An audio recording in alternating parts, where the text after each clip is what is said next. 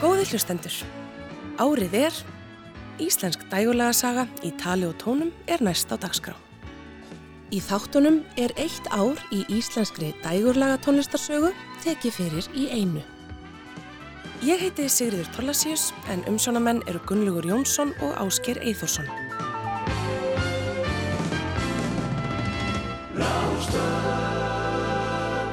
Árið er 1992.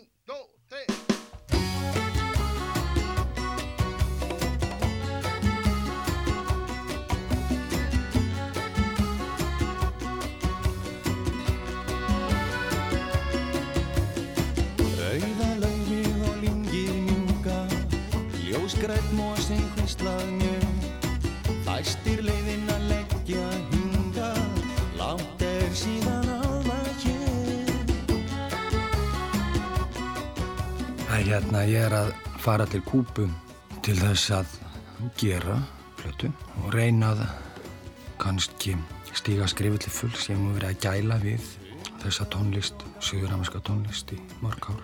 En í þetta sinn verður á stórun hluta platan byggð á þessari hefð. Þegar að ég byrja að spekla í hvort ég og hvað ég ætla að gera næstu plötu, þá var nú Brasilia ofalega í huga á samt bandaríkjónum. Því að ég var líka með svona í huga játvel að taka upp einhvers konar kæjunatónlist eða greflað músík. Tómas R. Einarsson sá ágætti gæstlagasmiður og spilari. Hann hins vegar spurði mig hversna verið ekki til kúpu og þar sem að pródusenti minn í Svíþjó Kristján Falk hann kemist ekki með til kúpu þá kúpa er til að við förum til kúpu til að taka upp grunna. Síðan komum við heim og eftir kannski mánuð, mjög líklega í júli, klárum við plötuna hérna heima, syngjana, mixa og döbba. Þá dætt mér í huga að fá Eithór Gunnarsson með mér og Eithór ætlar að koma með og brúa þetta bil þanga til að Kristján Falk kemur til Íslands. Bubbi Mortens heimsótti Kristján Þorvaldsson í helgarþáttur ásar 2 áður en hann lagði í Viking til Kúpu til að taka upp plötuna Von. Það er skemst frá því að segja að Kristján Falk kom ekkert nálagt þessari plötu því Eithor Gunnarsson sáum að klára hana með Bubba og Óskari Páli Sveinsinni eftir heimkomuna frá Kúpu. Eithor vann næstu árin með Bubba á svipaðan hátt og Kristján hefði gert um ára bil. En Eithor kom úr jazzinum eins og Guðmyndur Ingólfsson sem Bubbi myndist í læginu Þínir löngu grönnu fingur. Sem dagur og nótt voru augun grá opinn kvíka fulla þrá sem sorgmætt haf var dugur þinn og hljómurinn óma vinur minn. Þessar sérstöku hendur og hlátur þinn og hjartað sem álfér tóninn sinn. Þetta glóð út í annað og ekkert var bannað. Og ástfangnir fingur skópu kaldurinn Það má kannski segja það að, að, að kveikjana þessu öllu sé fyrsta lagið, þínu lengu grónu fingur. Það er kveikjan af öllum þessum pakka sko. Er, þetta er lag um Guðmund Ingólfsson, pjönuleikara og ég setti það í svona í latín búning og þar fer ég svo að spekla að það væri gaman að fara til Brasilíu og búa til tónlist. En endurinn var sá eitthvað neginn að ég endaði á kúpu. Bubbi Mortens saði frá læginu þínir löngu grönnu fingur í þættinum Gemt en ekki glemt ára ást 2. Kúbanska hljómsveitin Sierra Maestra kom til landsins um haustið og spilaði á útgáðutónleikum Bubba sem haldnir voru á Hótel Íslandi förstudagskvöldið 13. november. Síðan var haldið í hljómleikaferð um landið og luku kúbönsku tónlistamenninir Íslandsdölinni á því að halda tvennatónleika á Hótel Borg um miðjan desember þar sem þeir leku engungu sína tónlist. Er nokkuð skárað líf út á landið er lömunin betri hér Er praktíst að sjúa mjók sand er hægt að synda í frjósandi hver. Þingmaður og svarið er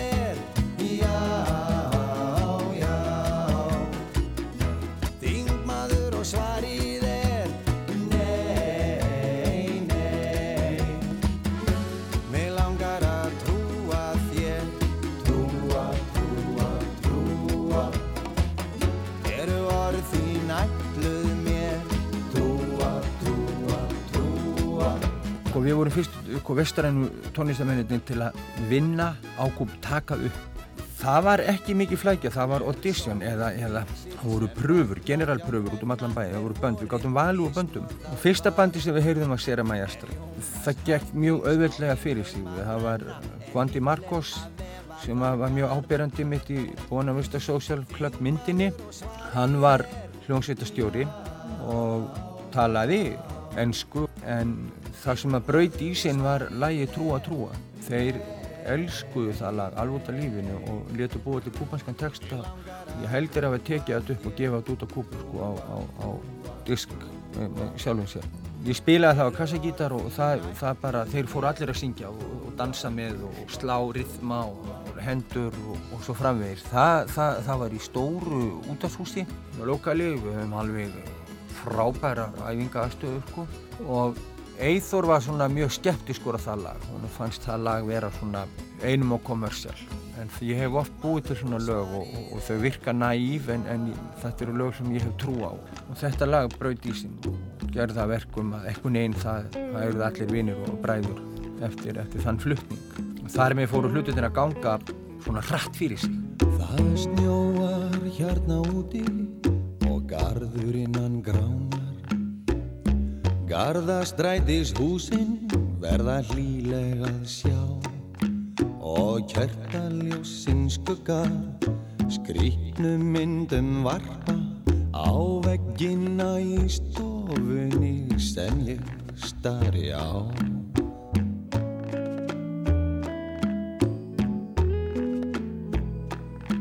Og myndirnar þær læðast lúmskarinn í hugan leggjast bak við augun og hvísla því að mér að ástinn sé augnablík sem brennir mann sinns hjarta. Í brjósti mín er eldurinn en að leika sér. Og þau svífa í kvöld snjókornin sem kossar án vara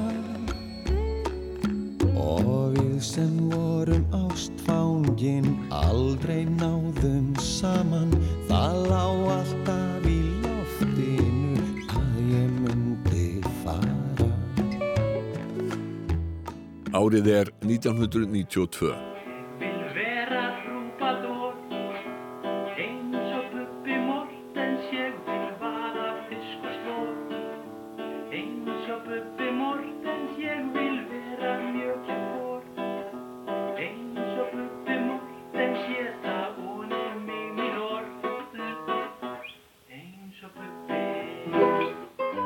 Æskuvinirnir Þorger Tryggvason og Ármann Guðmundsson stopnuðu duettinn Down and Out á Húsavík undir lok nýjunda áratugurins. Árið 1992 voruð báðir flutti til Reykjavíkur og tóka það upp sína fjóruðu og síðustu kassettu sem framleitt var í hundrað eintökum og sveld á tónleikum. Á meðal laga á henni voru áfram stelpur og hafið blátt sem mörgum áru síðar rötuðu inn á plötur ljótu hálfvitana. En þar var líka að finna ballöðuna um Bubba Mortens ef væri ég söngvari.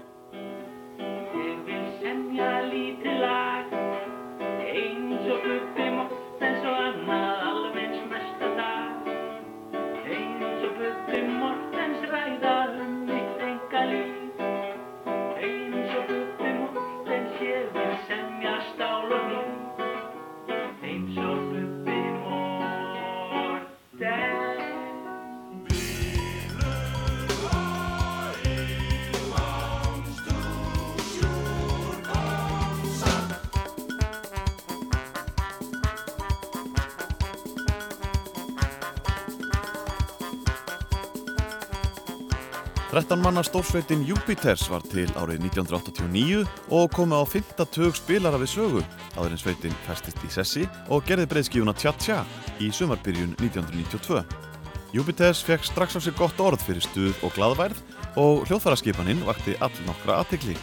Þau hefðbundina rithmahljóðfæra eins og gítars, bassa, orgels og tromma var Jupiters skipuð hörkugóður í blásarasveit og var aldursmunurinn á yngsta og eldsta spilaranum heil 40 ár Lagið Kongasamba er gott dæmi um stöðmúsikina sem þessi merka hljómsveit framleiti.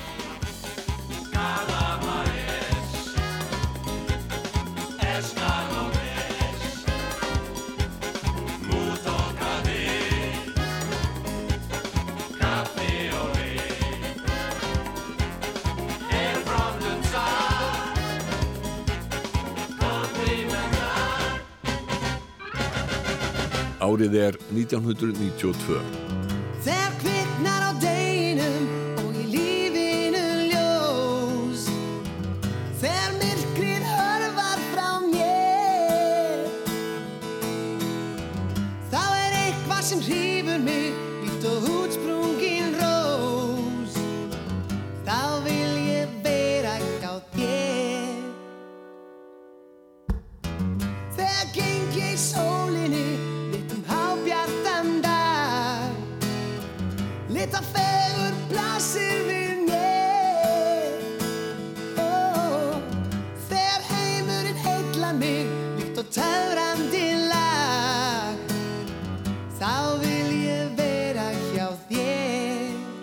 1992 þá hérna, það má segja að það hefði verið kannski okkar allra vinsalasta sumar eða ár, það ár. Og við þurftum að senda frá okkur eitthvað efni, það var mikil, mikil pressa á, á okkur hvað það var það en við vorum svona, það kom upp svo hummilt að senda, að gera svona okkar eigin sablötu þetta var mikið, við höfum sendt frá okkur svona stöglög, eitt og tvö í, í senn og þau höfðu svona sapnast upp og voru svona eins og við köllum munaleysingjar og vantaði hæli fyrir þau. Og við settum þetta saman á eina plötu sem að fekk nafnið Garg. Það var nú tekið úr Ranni Péturs Kristjánssonar. En þrjú ný lög fylgdu með til þess að gera þetta svona eigulegri grip. Og það voru lögin Hjá þér, Sódóma og Krókurinn. Og allt urðu þetta alveg gríðarlega vinsa lög og eru ennþá spiluð mikið. Stefán Hilmarsson sagði frá sumarplutinni Garg sem var gefin út í byrjun sumars 1992. Eitt af nýju lögunum á plutinni var samið um gamlan íslenskan rockara og góðan samstarfsmann hljómsveitarinnar til margar ára. Komdu nú með gamla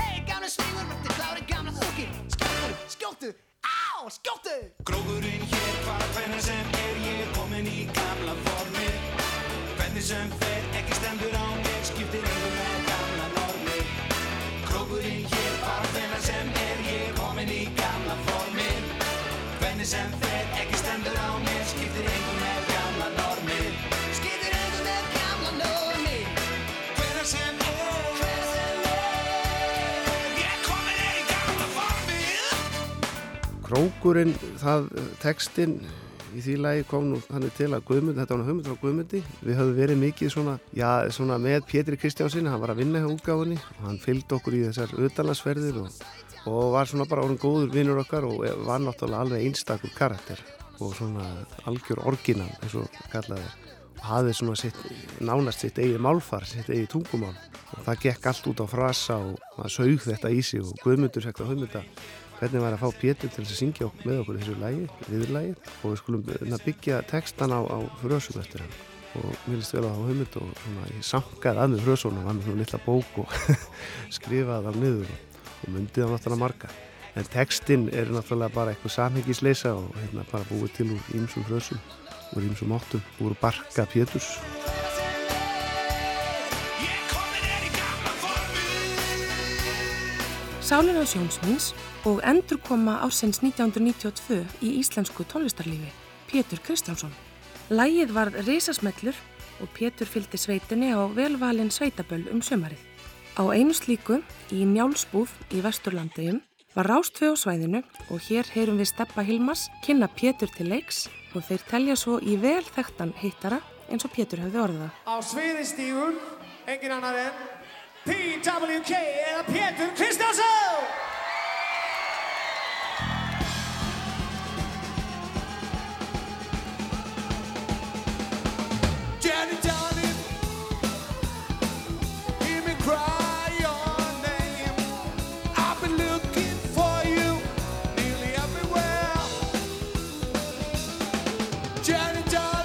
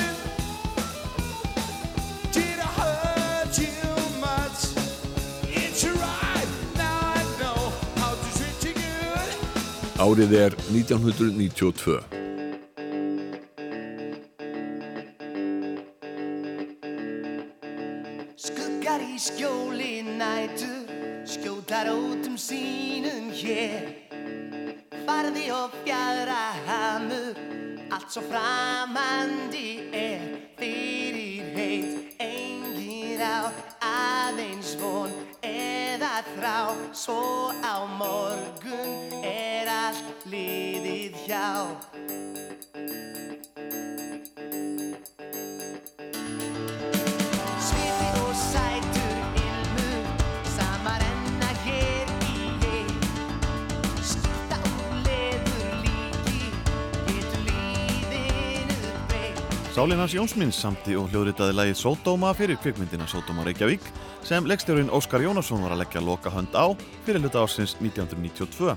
Uppalega hugmyndin var að Sódóma sálarinnar myndi vera aðalagið í bíómyndinni en að lokum var horfið frá því en hvers vegna? Óskar Jónasson, leikstjóri, svarað því. Hugmyndin var að það erði loka lægið í myndinni undir kreditlistanum. En svo kom upp flækjur, útgefandaflækjur vegna þess að í þá daga voru tveir stórir útgefundur á Íslandi og það var annars vegar Skífan og hins vegar Steinar Berg og, og lægið, sem sagt, eða sem sagt hljómsveitin reyndist vera vinnandi fyrir Steinar á þessum tíma og það flækti allt fáránlega þannig að á endanum var læginu fundin staður snemma í myndinni í útvarpi og, og það var bara búið til annað lag fyrir ending sem mér finnst synd því að þetta er snilda lag og átti að vera hann í lúti.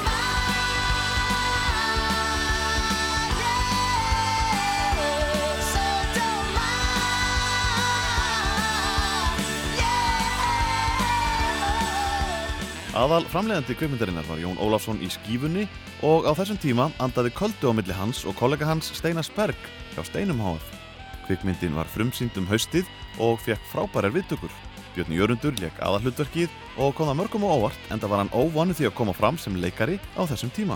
Það voru pröfar hans sem margir, veit ekki hvort ég var að nefna neina nöfn, fullt af frægu fólki í dag. Ég hafði séð Björn í uh, einhverjum pop þáttum hérna, þar sem hann var að kynna pop myndbönd og mér fannst bara eitthvað mjög óutreiknalegt og fyndið og skemmtilegt við hann. Og maður hafði náttúrulega séð hann svona á sviði hér og þar en hann kom bara eins og aðrir í pröf og, og, og mér fannst hann smetla frá, frá byrjun. Já, það er, er, er eitthvað dögulega fyllt af baka í hann á front. Hljómsveitin Ham spila stóran þátt í Sódómu Reykjavík auk þess sem fórsprakki sveitarinnar Sigurjón Kjartansson samtir hluta tónlistarinnar í myndinni. Lægið Partibær hljómar í bíómyndinni en það hefði verið á tónleikadagskrá Ham í nokkuð tíma þó það hafi ekki komið út á plötu fyrir en platan með tónlistinni úr myndinni kom út.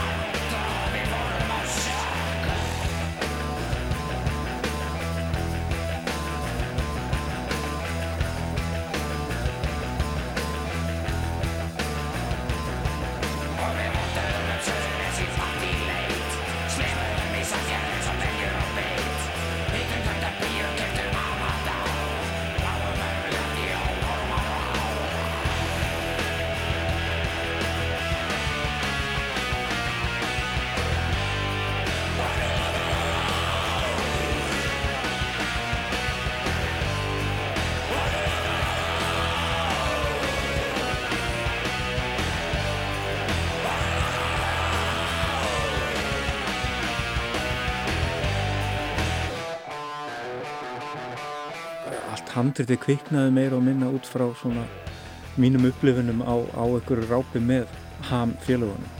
Þeir voru mikið að spila þarna, ég held að það heiti Abracadabra eða eitthvað leys hérna uppi við hlem og það er einmitt svona aldrei augljós fyrirmynd að skemmtistaðanum Sódóma og allt þetta líf í kringum ham, svona baksviðs upplifanir og, og, og partíinn og, og allt bullið var mjög inspirerandi og já, já, ham var með í myndinni alveg frá upphafi. Hún heitir Helia í myndinni, þessi hljómsveit sem er á sviði og það var aðeins stokkað upp uh, hver spilaði hvað.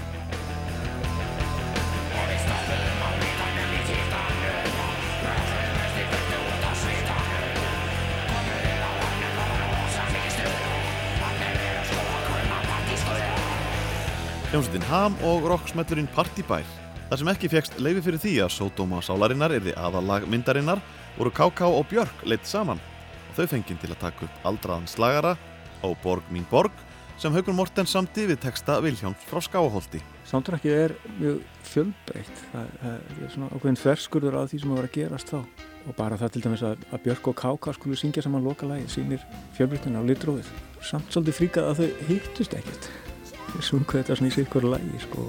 en það hljómar eins og þau séu bara horfandi á hvort annað meðan þau er að syngja þetta en það var, það var einhvern veginn þannig að þau gátt ekki komið á sama tíma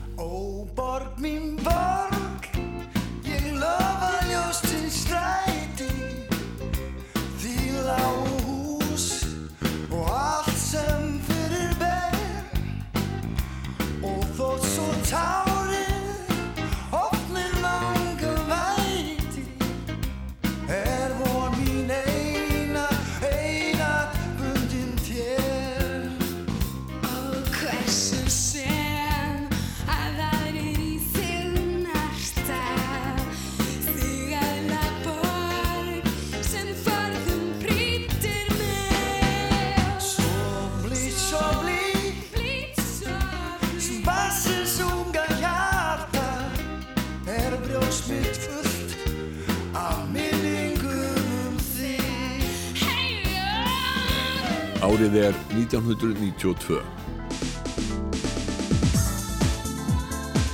Veggfóður, erotísk ástarsaga, fyrsta kvikmynd leikstjórnans Júliusar Kent, var frumsýnd haustið 1992.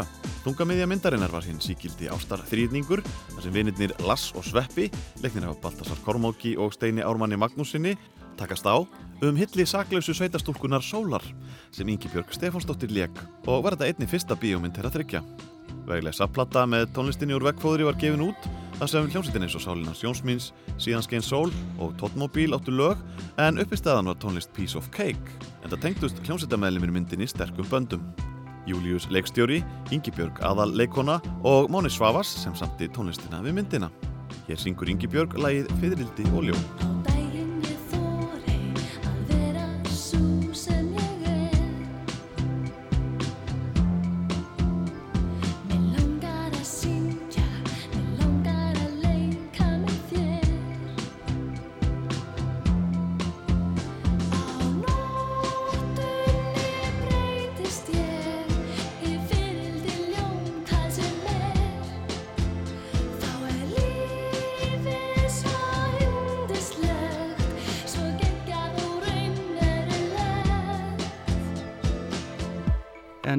Var með þessa hugmynda þessari mynd og hafði verið að garfa í handritunum með, með vinnu sínum og, og komið svo koppin.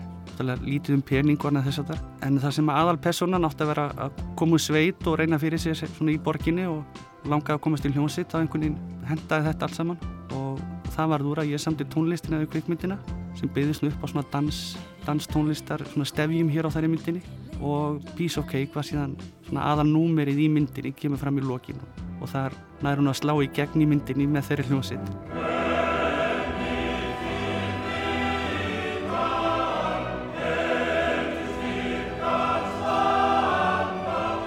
Guðni Halldórsdóttir skrifaði handrit og leikstýrði gamanmyndinni Karlakórun Hekla sem var frumsýnd 19. desember.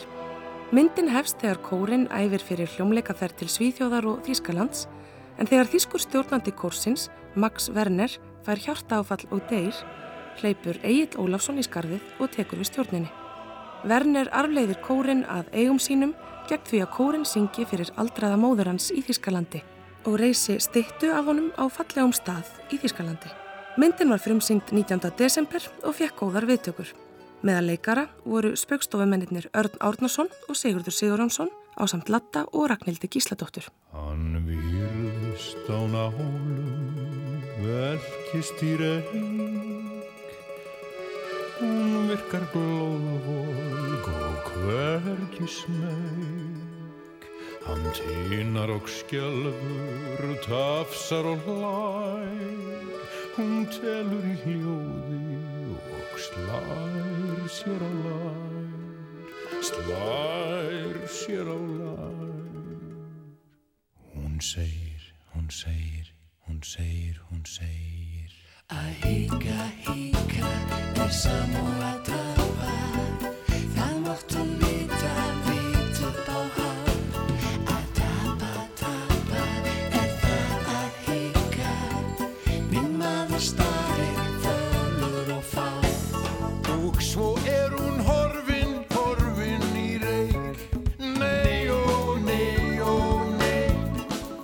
Egil Ólafsson gerði aðra sólaplötu sína í kjölfar velgengni plötunar Tiva Tiva og platan Blátt Blátt kom út undir lok ásins 1992. Hún fekk góða dóma en seldist ekki alveg að vel á fyrsta platan. Við heyrðum þannig brot úr læginu Hika Hika þar sem Egil segir litla skemmtistæða sögu því klukkan kortir í þrjú aðfara nótt lögadags eitthvað tíma í fortíðinni. Híma mæna húka húka fa Stíma spræna strjúka strjúka fa la la la la. La Þrá að darka í djöfulsveðrum dísar sali að heimsækja. Gattast til og gapa líka fa la la la la la. Jómfrúin gleður menn allar stundir Jómfrúin, jómfrúin Jómfrúin gleður menn allar stundir Árið er 1992. Ragnhildur Gísladóttir stundaði nám í Lundunum á meðan Jakob Fríman Magnússon syngti starfi menningarfulltrúa við Íslenska sendiráðið. Ragga notaði tíman til að gera sína fyrstu sóloplötu, Rombiki. Hún naut aðstóðar Hilmars Arnar Hilmarssonar sem setna varð allserjakóði en hann hafði meðal annars unnið með Megasi og Bubba Mortens. Þrjú lagana voru á íslensku en hinn sungin á óskiljanlegu tungumáli sem Ragga þróaði og það vakti líka aðtikli að ekki heyrðist einn einasti gítartók á plötunni.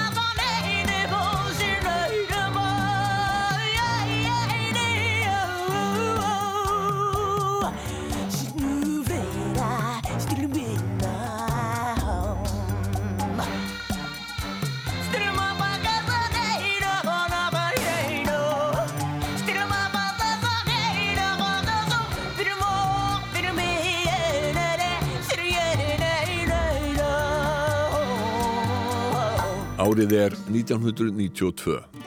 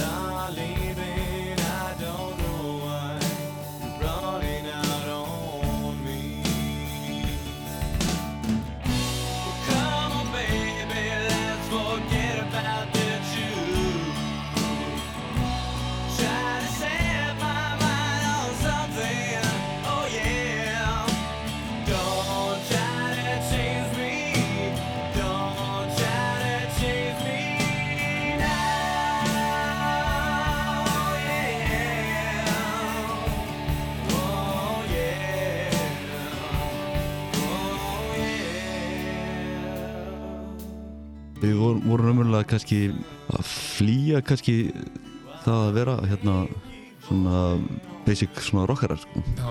Þetta var það sem vorum að gera fannst okkur vera eitthvað nýtt fyrir okkur sko.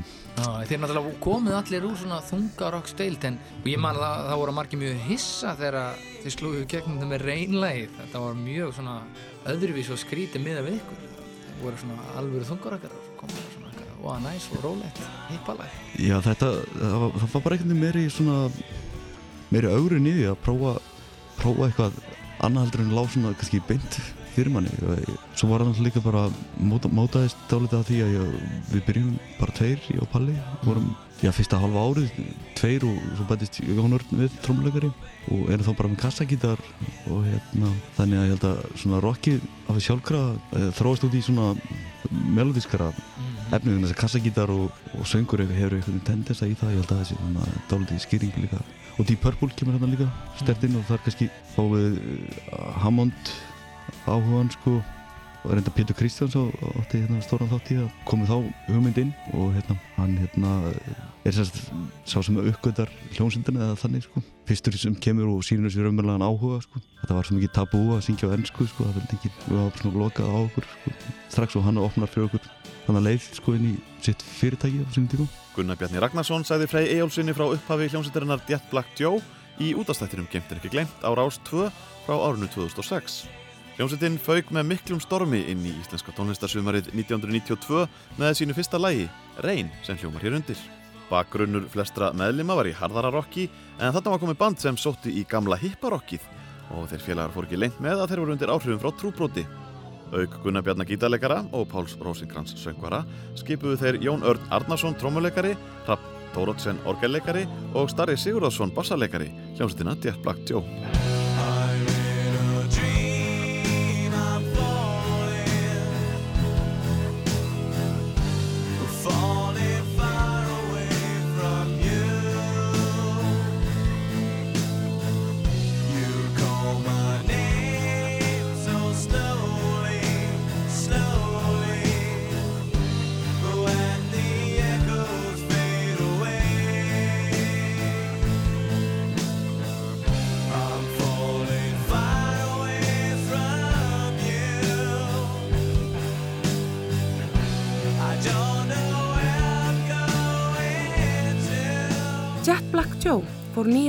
Til að kynna sig með því að hita upp fyrir sálina og stjórnina á sveitaböllum og það var mikil eftirvænting fyrir þeirra fyrstu plötu. Eithor Arnalds var upptökustjóra plötunni sem var samnemnd hljómsveitinni. Þeir komu, komu til mín eftir að vorum að spila tónleikum Dóttnabíl, eh, Gunni og, og, og Palli eh, hérna, og, og, sungu fyrir mig tvö lög og hérna annað þeirra var reyn og spurði hvort að ég hefði á að skoða þetta og koma þessu framfæri og, og ég gerði það með gleði og, og kynnti þá fyrir Pétri Kristjánssoni sem að var, var svona með sína hlýðarútgáfu hjá steinum og, um, og það bara var við mannum vælt að menn voru hrifnir af þessu og við fórum að stað og taka þetta upp en þarna, þarna fór ég inn í þetta með allt örum huga heldur en til dæmis unnun eða, eða tóttumabíl að, um, að vinna þetta miklu hrára og kannski mun hrára heldur en hafði verið gert um ára bíl í íslenskum stúdíóum. Við erum að koma út úr 80s þar sem að var verið að, að, að taka upp með miklu reverbi og, og svona öllu pródúsöruðu og, og niður köntuðu en þarna prófaði að taka upp til þess trómusett bara með einu mikrofón sem var langt í burtu frá trómusettinu. Fylla lítið herbergi af mörgum stórum mögnurum og láta herbergið hljóma með. Hluti sem kannski meira var gert svona 1960 eitthvað.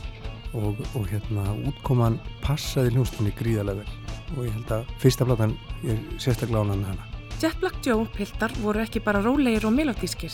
Þeir kunnu líka heldur betur að rokka eins og í upphafslægi fyrstu plötunar Take Me Away.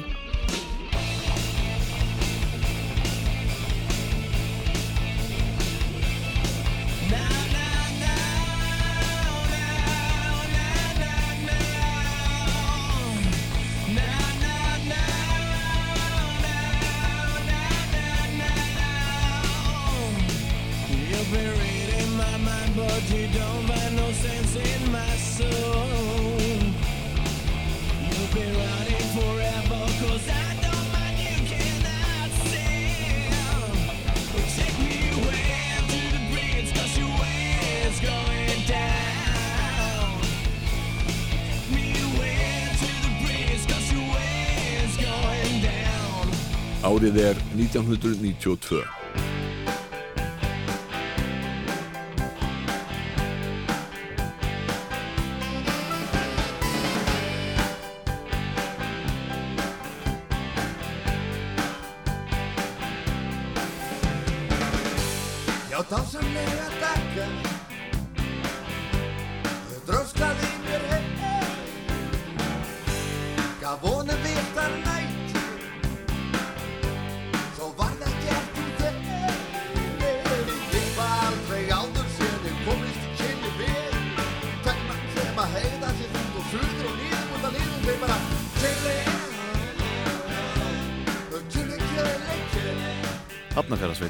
Piltar kvatti sér hljóðs 1988 með plötunni Einstæðar mæður og það liði fjögur ár þar til plattan Blái höfrungurinn kom út, förstu daginn 13. november 1992 sem fyrir var græskulöst gaman aðalsmerki þessara pilta sem voru þjóðþektir leikhús og fjölmilamenn þegar plattan kom út.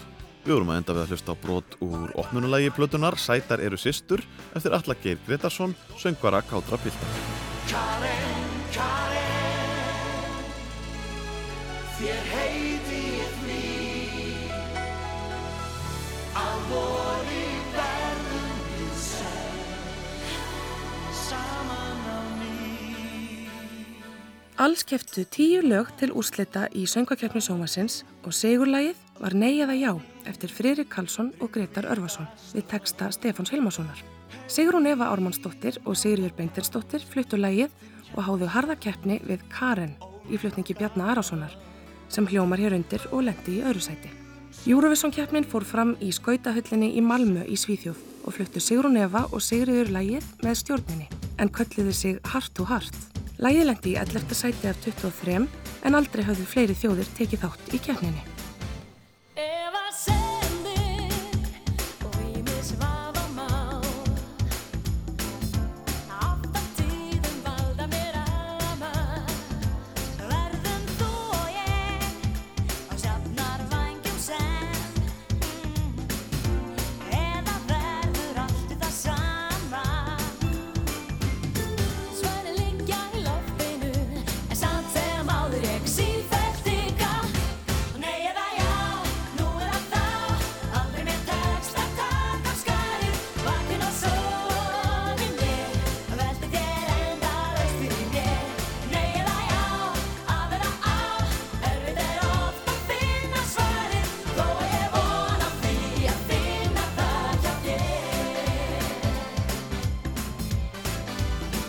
Árið er 1992.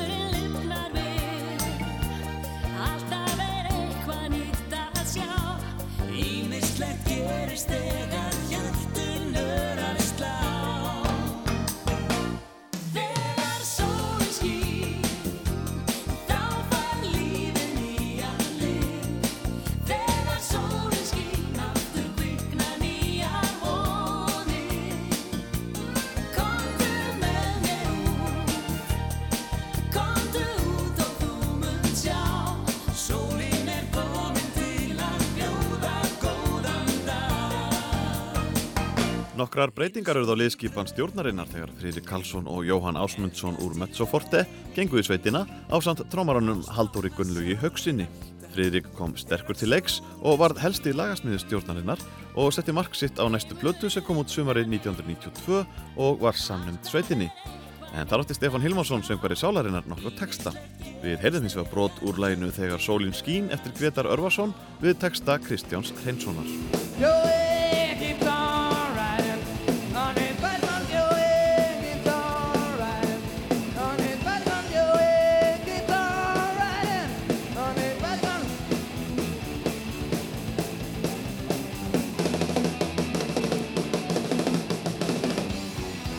Svona hljómaði hljómsveitin Skítamórall frá Selfossi í úrslitum músiktilruna 1992 en framistaðan dugði ekki í efstu þrjú sætin.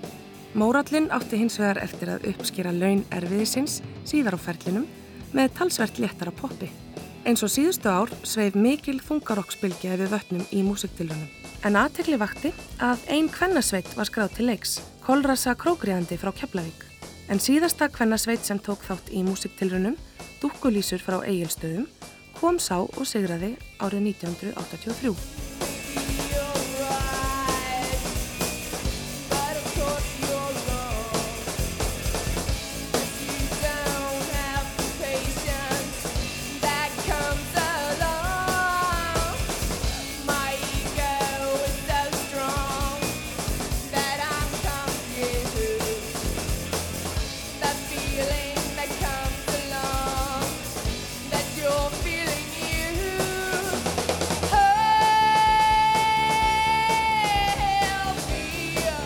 takið þátt í músiturunum 92 Mhm.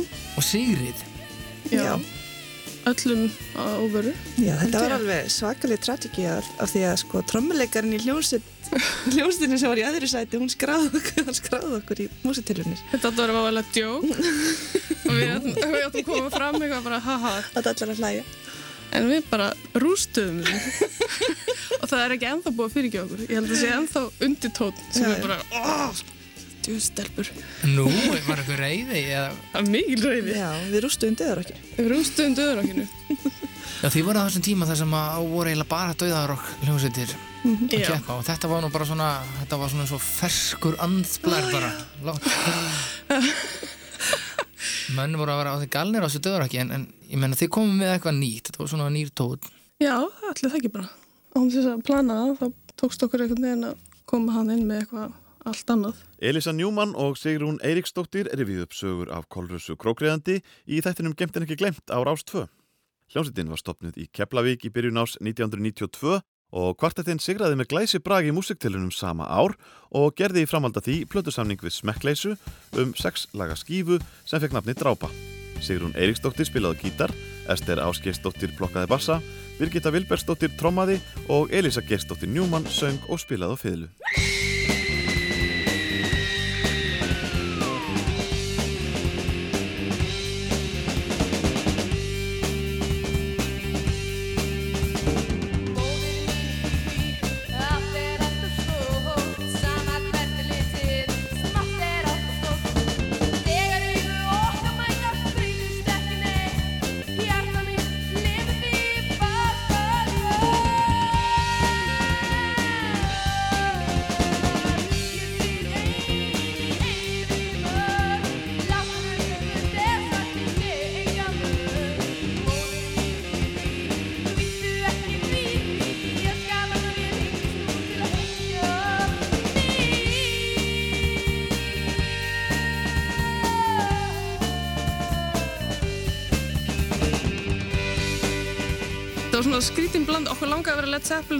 Og Roses og þetta Það er eiginlega þessi plata, sko. Já, og við komum út með drápu sem var eiginlega svona folk punk í staðin. Þannig að, ég veit ekki, oft gerist það. Já. Maður kemur út með eitthvað frumlegt þegar maður er að reyna að gera eitthvað annað. Þetta ekki. Það er svo týndu við masterteipinu. Já, nei, því var stólið Já. og brotist inn í skótan. Skótan minn og við veistum að mixa blöðun aftur og svo fannst hún í einhverju, einhverju hérna, dópbæli mánuðið setna. Þannig það er til tvær útgáfar af blöðina eða Já. eitthvað, drápuð. Einmitt. Önnur einhvers þar í, í dópgrinni Kópói og... Við fengum hann aftur en við notuðum Já. ekki fyrir mixi. Kannski er það betra, ég veit ekki. Elisa Njúmann söngkona var gestur í þættinum Innlendur Annáll hjá Lísu Páls um áramótin 1992 þar sem árið var gert upp. Þið sækir mikið í, já, má kannski segja íslenska hefð, íslenska tónlist, íslenska ljóðagerð og, og svona íslenskan tón í ykkar tónlist. Já, Hafið þið hugsað ykkur eitthvað út fyrir landsteinana? Já, já. Ég hugsa að við höfum alveg ágætti sens út í löndum. Ég meina þó að þessi íslensku bragur yfir kannski ykkur af, þessu efni en ég meina fólki út hefur aldrei heyrt þetta. Það ég hugsa að komi ágætlega saman og við hérna stefnum svona á það, við erum ekki alveg búin að fast setja það en fara til Englands núna í sumar. Þið fenguð mjög góða dóma frá Melody Maker hér í sumar á það sem honum leist best á af, á jú að miklu úrvæli af íslensku hljómsveitum á úti átti. Þá voru það þið sem var stóðuð upp úr. Já, þetta leitt allt út frá þessu, þá byrjaði þetta allt. Já, hvernig sér þú framtíðina fyrir Kólrössu? Ég sé hana bara alveg með ágætu ljósi held ég. Við ætlum að stefna náttúrulega hátt eins og allir aðrir og reyna að standa okkur og ekki gleyma okkur um erum bara svo efnilegar. Árið er 1992. Hljómsveitin Pandora frá Keflavík átti sér stóra drauma um að fara til Bandaríkjana og reyna að meika það. Piltarnir ákváðu að sapna sér í sjóð með því að spila tónlist Led Zeppelin, Deep Purple, Hendrix og Cream á tónleikastöðum og breyttu nafninu á hljómsveitinni í Deep Jimmy and the Zepp Creams. Það gekk upp, sveitin naut vinsalda og þeir náðu fljótlega takmarkinu. Haustið 1991 fóruð til New York með vonum að koma sér á framfæri og ákveðið var að halda Deep Jimmy nafninu. En hvað voru strákarnir með í höndunum þegar lagt var í hann til New York? Sigurður Eiberg söngvari. Ekki neitt, ekki neitt sko, alveg bara fáránlega mikið ekki neitt. Við förum út, við erum með þessa peninga, það er það sem við erum með og það er náttúrulega alltaf nóg í Ameríku bara að eiga pening sko. En, hérna, en þetta voru engin risa sjóðir, við, við vorum búin að rekna það út held ég að við gætum verið þarna í þrjá mánuði. Eina sem við vorum með var, jú það var það sem við vorum með, höndunum. við vorum með eitt, eina kassettu sem að voru nokkuð lög á sem að við höfum tekið upp sem var hvort demo sko. Til að byrja með gekk illa að fá inni á tónleikastöðum í New York. En eftir mánuðið eða svo var Deep Jimmy and the Sepp Creams farin að tróða upp í borginni og fljótlega fór að bera útsendurum frá plötufyrirtækjum á tónleikum þeirra. Svo gerist það allavega að það er komið, hérna, komið hérna, fyrirtæki eru mjög, mjög heitt, svona stórt fyrirtæki og við förum og, og spilum að okkur um litlum stað og svo við að fara hérna að soundtesta eða eitthvað og þá kemur ekkert hljóð í kerfið og þá segir bara gæðin sem á staðinu nei, það er, er ekkert fólk komið, það er ekkert fólk með ykkur ykkur er ekki með ekki að taka neitt krát ég fá ekkert að spila enda með því hann þurfti að borga hann um 200 dólar á sko til þess að lega okkur að spila til að fá sound á kerfið. Af því að þá kom sem sagt hérna, þá var búið að koma eiginar gægin og svo head of eigindar og, og svo kemur sem sagt var fórsett í fyrirtækisins að koma sko. Og þeir verða bara ástæðlarhifnir og, og, hérna, og það er bara gengið frá samningum þarna í raun og verið, það er svona munlugum samningi bara við, fórsetin segir bara ég vil fá það á, á, á okkar, okkar hérna leifur. Plötufyrirtækið var Atco East West undir merki Warner Risans og strákarnir fóru heim Sigri Hrósandi með munlega samning um plötuútgáfu í bandaríkjónum. Það liður svo tveir mánuði til samningurinn var undirritaður og ákveðið var að platan sem fekk nafnið Funky Dinosaur yrði tekin upp í New Jersey. Við heyrum lægið Móns af plötunni hljóma hérna undir en í samningnum átti Deep Teamy að fara á tónleikaferð til að fylgja plötunni eftir. Þegar farið verið að ræða hvaða hljómsveitir henduð best til að hita upp fyrir, breyttist hins vegar andrúfsloftið hjá útgáðufyrirtekinu skindilega. Og svo kemur það upp dúrnum að hérna, það virðist vera að þessi gæi sem að í sjálf sem finnur okkur John Murvos að hann sé einhvern veginn fallin í ónáð innan fyrirtækisins. Og þá er náttúrulega ekki gott fyrir þá sem er eitthvað að reyna ídunum út að við séum sko eða að böndin hans sé að, að þeim, þeim sé að ganga vel sko, það náttúrulega styrki stöða hans innan fyrirtækisins.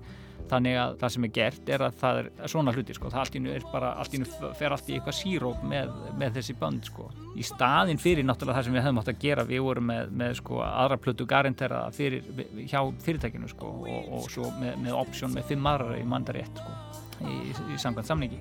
Í staðin fyrir að bara býða þetta á okkur og sjá hvað gerist og halda bara fram að spila og halda bara okkar striki sko. Þá verðum við svo pyrraðir að við séum ekki að fara á þennan stóra túr sem við vildum vera að fara á sko að við segjum bara, heyrðu, já, við bara, fyrir það bara, við bara riftum samninum, við erum ekkert með þetta, geta það, sko, og gerum það. Og fáum bara að, hérna, ykkur svona skadabót fyrir að þeir var ekki að standa því samningin í raun og vera, því þeir voru ekki að setja okkur á túr eins og umvapsamið og...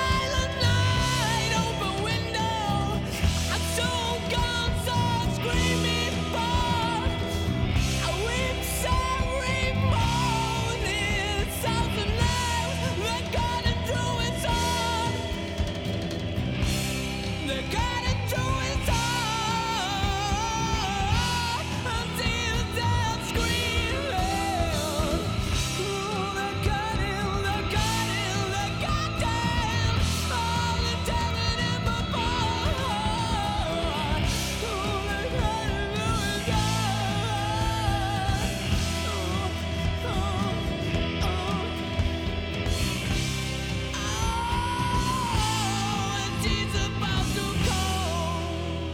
Jimmy and the Sap Creams fóru heim til Íslands, búin að rifta samningnum og töldu sig geta farið aftur út og ná sér í annan samning sem þeir gerðu en þá var komið mikil þreita í samstarfið og á lokum játuðu þessi sigraða.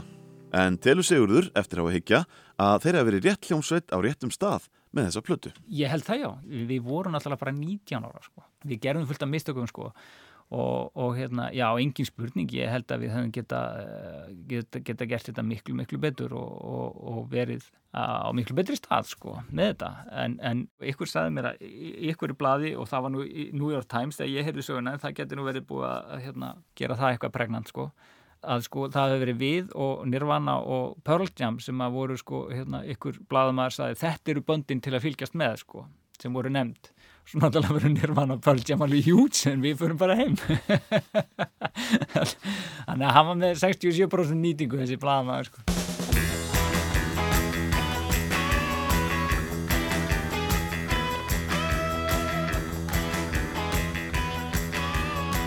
Rúnar Júliusson, faðir Júliusar trommara Deep Jimmy, tók upp plötu með bandaríska rockaranum Larry Otis í ágúst 1992 í Prairie Sun hljóðverinu í Kaliforníu. Larry og Rúnar kynntust þegar sá síðanemdi gengdi herþjónustu hér á landi á árunum 1965 til 1966. Þeir heldu lengi vel sambandi sem síðan rofnaði. Fyrir tilviljun hittust þeir í Kaliforníu árið 1992 og ákvaði að setjast niður og gera rockplötu saman. Þeir sömdu 13 lög og texta í sammenningu, auktvekja sem ekki eru sungin. Þegar Rúnar kom heim með segulböndin snaraði hann textunum yfir á íslensku og gaf plötuna þannig út á vegum Geimstins.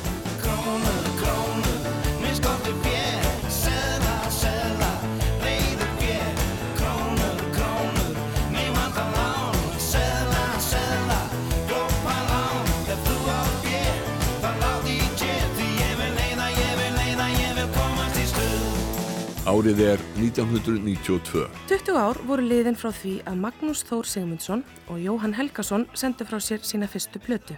Þeir held upp á afmælið með útgáfu tíu laga plötu sem þeir kölluðu afmælisupptökur. Platan var tekin upp lifandi án áherenda á púlsinum og voru tíu lög hljóðrituð, blanda eldri og nýri laga. Og eitt þeirra var lagið Ástin og lífið eftir Jóhann Helgason.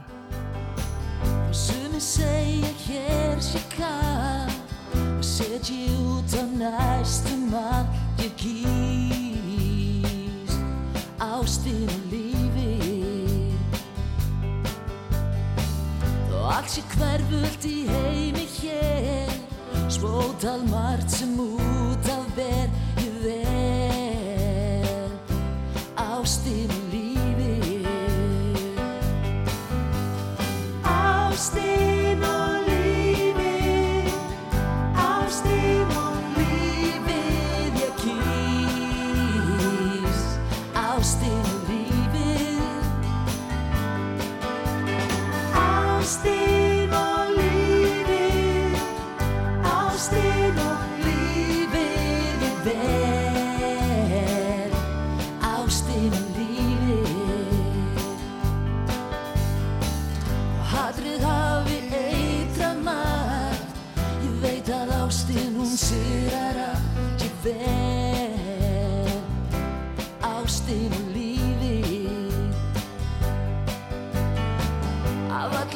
öllum kostum helst að tel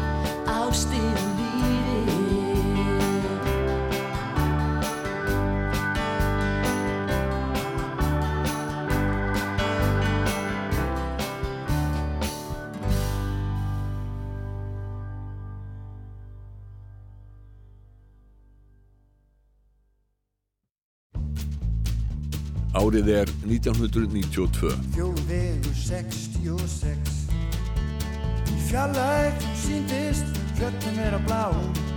Fundu hvorki sjálfa sinni eitthvað sem þau frá. Á þjóðvegi 66 Ó, þjóðvegi 66 Manneskjör og flótta Ástað og ferði gegnum New York og Disneyland. Og nýðar þessi með Allir beigðu vestur, gæðum í sömu átt. Sátu upp á plassinu, það hafði engin hátt. Á tjóðvegi 66 Leikfélag Reykjavíkur frumsyndi leikritið Frúur reyðinar í leikjarð Franks Galantis sem byggði á samnefndri skáldsögu Nobelskáldsins John Steinbeck um ill örlög almúafólks í bandaríkjunum sem flosnaði upp á jörðum sínum í kjölfar þurka og kreppunar miklu á fjórða áratug 20. aldar. Kjartan Ragnarsson og Óskar Jónasson byggðu nýja þýðingu á upprunalegri þýðingu Stefáns Bjarmann og aðlöguðu hana fyrir leiksvið. Þeir vildu hafa bandaríska alþjóðutónlist í síningunni en þar sem leiksýningin var aðlöguð að íslenskum aðstæðum lág beinast við að textarnir væri á íslensku. En hvernig stóða því að Kristján Kristjánsson tók að sér að flytja tónlistina á sviðinu í borgarleikusinu? Kristján sagði söguna í þættinum Pálsson og Littli hér á Rástfö. Kjartan Ragnarsson var að vinna með hann Sela, langa Sela og byrður hann að gera tónlist í þrjú reyðinar og Seli segir já þakka ég fyrir Kjartan minn en eh, ég myndi uh, vilja frekar og myndi velja Kristján Kristjánsson, Káká, hann að gera góða hluti og þeir e- eitt kvöldið þá eru mættir Kjartan, ég vissi hver Kjartan var og hann kom, var mættur hann á púlsinu eitt löðarskvöldið Herru Kristján, eina, erst þú ekki bara til í að gera tónlist við, ég er að fara að gera leikrit hérna þrjú reyðin eftir Steinbeck, erst þú ekki, erst þú ekki bara til í að gera tónlist og ég horfði á hann og hugsaði óleitt fíbl er þetta. Að vera að byggja mig um þetta. Og hann getur sjálfur sem kent og ég segi já. Og svo fórum við í borgarleikúsi sem var þá alveg nýbyrjað. Og það var hérna leikfélag Reykjavík og nýtteki við þar og við fengum uh, plássan og vorum í þrjá mánu að, vinna í þessu og kjartan sagði við mig þú getur alveg sami bara uh, hérna, text á íslensku, nei það get ég ekki ég aldrei gert það að segja, jú það er ekkert mál. Nei ég get það ekki þá ger ég það bara, svo komum við texta og það var svo glata svo ég held hann að hafa gert það viljandi bara til þess að knýja mig áfram og hann svona ítti mig út í þetta að semja texta. Á. Ég var á því þá sko að það var ekki hægt að gera eh, góða text á íslensku en hérna laðið mig mikið fram, við höfum góðan tíma hérna og, og ég hafði góða menn í kringum mig og, og fólk sem hjálpaði mér og, lýsað, og það var úr beinleið sem er á íslensku. Ég er alveg samfarið um að maður eigi að semja á íslensku hérna heima. Það kemur eitt og eitt lag frá mig á einsku, ég má það alveg. Á blöðunni Beinleið voru tvö lög úr leiksýningunni. Þjóðvegur 66 sem við heyrðum hérna áðan og lagið Vegbúinn sem sló samstundins í gegn og var valið besta íslenska lagið á árinu 1992 í innlendum annál ára ást 2 um áramótin þar sem tónlistarárið 1992 var gert upp. Þú færð aldrei að gleyma Þegar ferðu á stjá Þú átt hvergi heima nema veginum á Með ángur í hjarta og dyrskunar mó Þú ferð þína eigin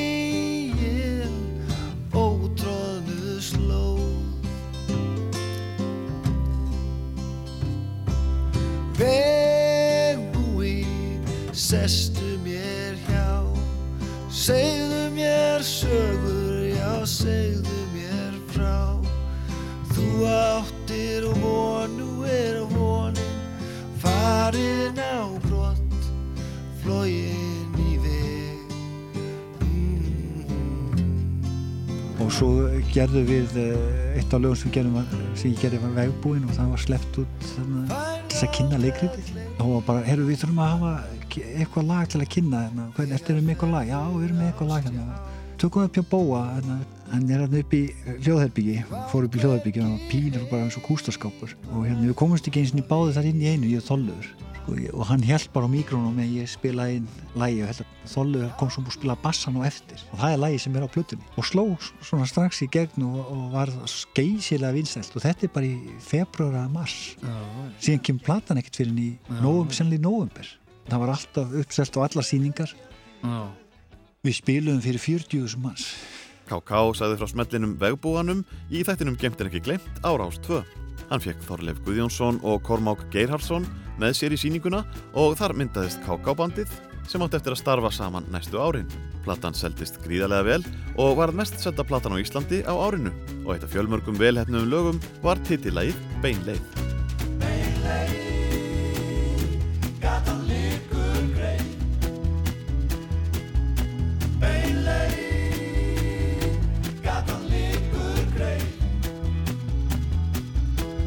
Kostar svít og blóð að fara þessa slóð. Ég var að vappa um bæinn, það var um miðjan daginn. Sá fullt af kynja verum undir himni berum. Viltu heyra? Ljáðu eina, heyrðu meira. Það kostar svít og blóð að fara þessa slóð. Árið er 1992. Það var hérna til Já, svona byrjaði manni hérna eftir ball í hérna Freyvangi Já, já. Út í rútu, það sem að Eyjó byrjaði að hérna, rappa grein eftir Flósa Ólásson Já, Haffi kom með eitthvað svona Haffi kom með bít, já. Kom með eitthvað bít Hann hafði lært á þetta í Boston að, að gera svona trommubít með munum Þetta var svona bara djam svona sem að síðan já, fór alltaf lengur og lengra sko og endaði bara með því að við ákvaðum bara að gefa þetta út sko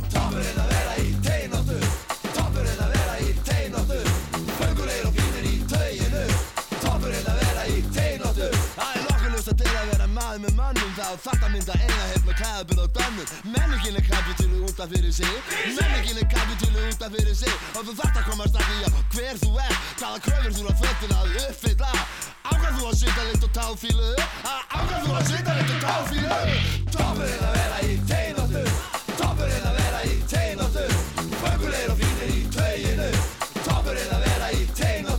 Þessi frasi toppurinn að vera í teinóttu, var það úr þessari grein eftir Flósa Ólafs eða?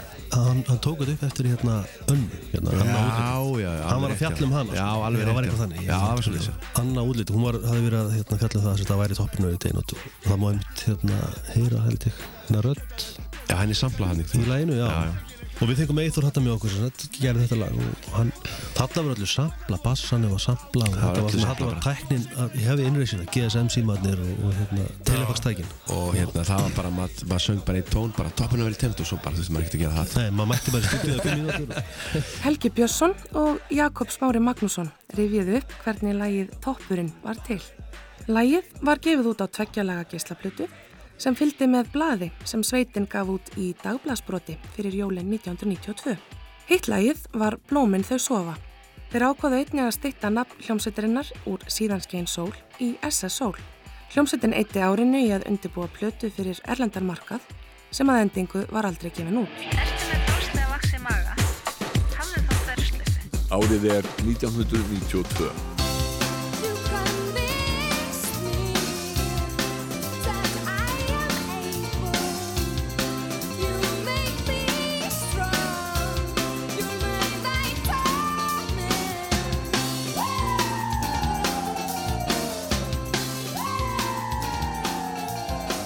Þriðja og síðasta plata Sigurmáluna, Stick Around for Joy, kom út í februar 1992 en áður hafði smáskifa með læginu Hit náð 17. sæti breska lagalistans. Breiðskifan komst í 16. sæti í Breitlandi og inn á topp 100 í Kanada og Bandaríkjunum og fekk viðast hvar mun betri dóma en önnur platan Here Today, Tomorrow Next Week. Þór Eldon og Einar Örn Benediktsson sögðu frá vinsluplötunar í útastættinum Gemt en ekki glemt á Rás 2 í november 2006 skömmu áður en sveitin kom saman á mögnuðum endurkomu tónleikum í Laugardalshöllinni. hún er bara ö- unnin allt, öðruvísi, sko. þá fórum við í, í upptöku búðir í Bersvill og vorum þar í einhverja þrjár vikur að vinna með pródúsenti sem átti að, Paul Fox sem átti að setja þetta í, í form og vera með öfluga verkstjórn. Það átti að vera hið, hið fullkomna yðnaðar pop það er mörg frábær lög að þeirri, þeirri plötur sko. Þetta eru fínar plötur Það eru bara svo ólíkar.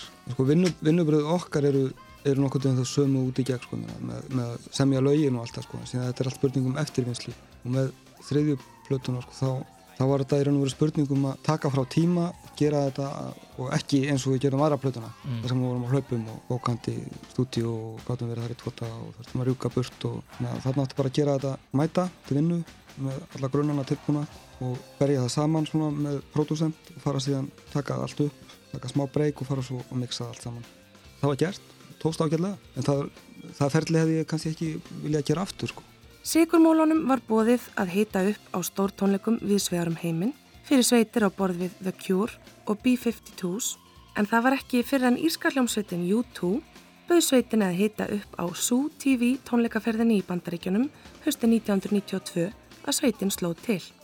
Mólarnir heituð upp fyrir U2 á 17 tónleikum sem flestir voru haldnir á stórum íþróttaleikvöngum og spiliðu fyrir um 700.000 manns en skömmu síðar hætti sveitin störfum. Af hverju hætti hljómsveitin á sín tíma? Það voru margar, margar ástæður, jafn margir og hljómsveita meðlemiðir allavega.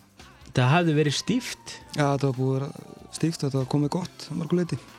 þurftum bara pásu til að sinna öðrum hlutum og, og kannski hefðu við geta haldið áfram í einhverju, ég veit ekki hvernig það hefði verið í raun og veru. Það segir sér kannski að við vorum búin að vera að gera einhvern hlut sem að, að við lögðum aldrei af stað með að við vildum, eða vorum ekki að sækjast eftir að vera poppljómsund. Það var svona þrýst á okkur og við tókum því. Já, við tókum því alveg sko. Þetta var bara, bara komið tími. Já, og svo plötu útgáfi fyrirtæki hérna Little Indian var svona þrýst á okkur að hætta Nei, nei, við, við, við, hérna við gerðum sko eiginlega stærstu hljómleikaferð sem að nokkur íslensk hljómsveit hafði gert þá, við fórum á hljómleikaferð með U2 og spiluðum sko á Stadium Rock í bandaríkjunum með U2 á mjög fínni ferð. Mhm. þannig að það er ekki eins og við höfum verið að spila af sjúkrabeði þú veist, þó, þó að við hættum að spila saman sem hljómsveit þá heldum við áfram að vera þeir vinir sem við vorum. Og það held ég að skipti kannski mestu máli að, að, við vorum aldrei sko, hvað, í tónlistarlegu sambandi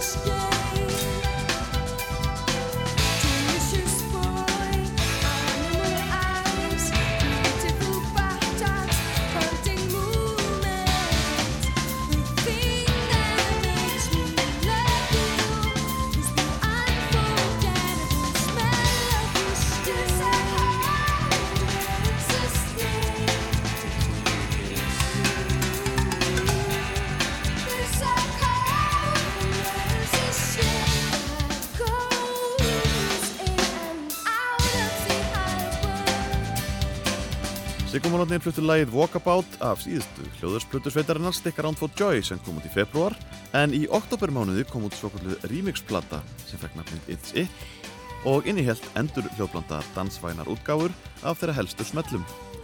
Við setjum punktinn aftan við umfjöllunum vinsarstu hljómsveit Íslands þegar hér er komið í sögu með remix útgáfu af laginu Hit sem hafði undir titilinn Tony Humphreys Sweet and Low Mix á plötunni It's It.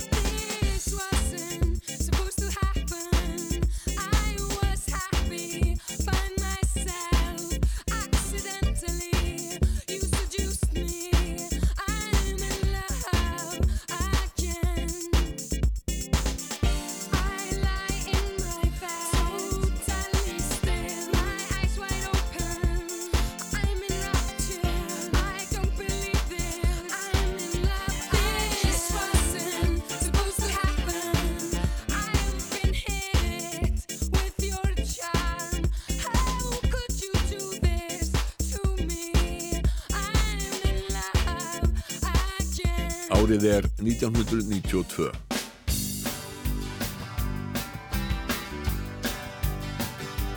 Mæja, mæja, ég man það henni réttu sem fyrst. Og ég fekk þig bak við heisátuna kist Það var kátt og hjalla, við fórum alla að hlæja. En nú var ég í annari vist og þú hafðir veðjað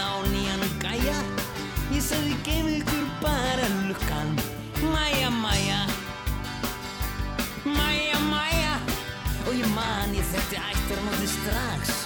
Því ég stalst til þess að kíkja árla dags. Jú, ég var einatt snuðrandi Að leita hræja. Sem var með þó um síður til gags Og þó þú frjósi föst á milli bæja. Ég fer en að ég kem til þín að lokum. Mæja, mæja. Megas vann plötuna þrjá blóðdrópa með Hilmari Erni Hilmarsinni og Guðlegi Óttasinni og gekk vinnan hratt fyrir sig. Nokkru textar á plötunni fóru fyrir brjóstið á fólki, engum textilagsins Kvöld í Allavík. En Megas sagði í viðtali að það mætti ekki draga beina línu millir hans og umfjöllunarefnis í textunum. Þetta væri skáldskapur, þó sumt væri endurspeglun á veruleikanum. Gaman sem í Guðana fekk þó nokkra spilun, en þar söng Megas um það hvernig maðurinn er leiksoppur Guðana, sem leiðist tilbyrningasnauð eilíðin og nota mannin eins og hvert annan leikfang til að stitta sér stundir. Menn hugsa sér takmark þeir Telja að vel sjá það Þeir sæki sig veðrið Þeir setja allt sitt traust á það. Þeir gína yfir áformum en guðnir Þeir ráða.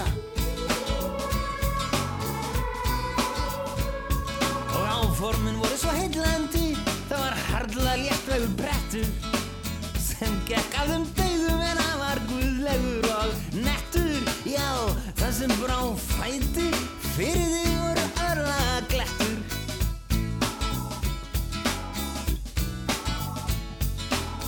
Þú ræður svo margt, þú ert reyfur og mettur. Þeir finnst tilvaran að leikur og þú átt létt með þessar fléttur. Eins og er fléttað þér um háls og það er hlegið því þetta eru örlaga glettur. Gaman sem í Guðana, það má segja bara kongur við sigla en byr minn ráða og um það fjallar sér texti og sýnir hversu hláleg manniskan er að vera. Burðast þetta Guðinir reykina þrjumælinn en svo sinn þá er svo og bara verst allum koll. Árið er 1992. Haugur Mortens, einn ástsælasti dægurlaga söngvari landsins, lest á heimili sínu 13. oktober 1992 af veldum krabbamins, 68 árað aldri. Haugur hafði starfað með öllum helstu tónlistarmönnum landsins og var vinamarkur en það var svo margt um mannin í bústæðakirkju að það fór ekki að milli mála að þarna var merkur heiðursmaður kvattur í hinsta sinn. Þú komst til að kveðja í gær. Þú kvattir og allt varð svo hljóm Á glugganum frostrósin grær Ég gat ekkert sofið í nótt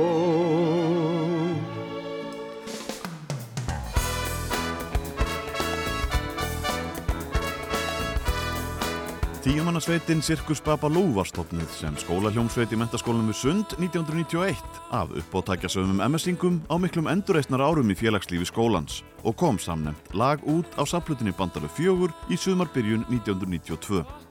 Pétur Örn Guðmundsson, höfundur lagsins, átt eftir að láta mikið að sig kveða í tónlistinni síðar en hann söng lagið á samt Halldóri Gilvasinni sem nú er þekktur leikari og Ingibjörgu Stefánsdóttur sem var fulltrú Íslands í Eurovision árið eftir. Meðal annara liðsmanna í Sirkus Babalú voru Þorkell Reyðarsson og Freyr Eyjólfsson en þeir stopniði síðar hljómsveitina Gerfuglana á samt Halldóri og fleirum.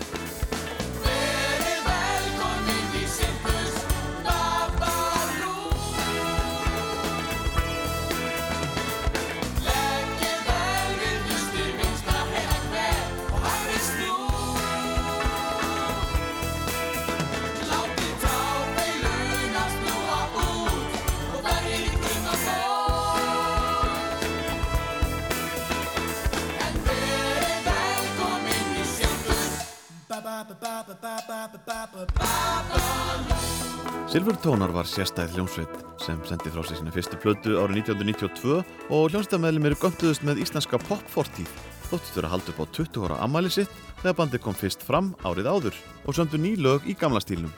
Söngvari Silfurtóna var Magnús Jónsson sem síðar gerði garðin frægan í Guðskus og Björn Jörundur var upptökustjóri. Platan fekk nafnið Skíkin eru hlý og Töfrar var það lag sem náði í gegn. Töfrar, töfrar,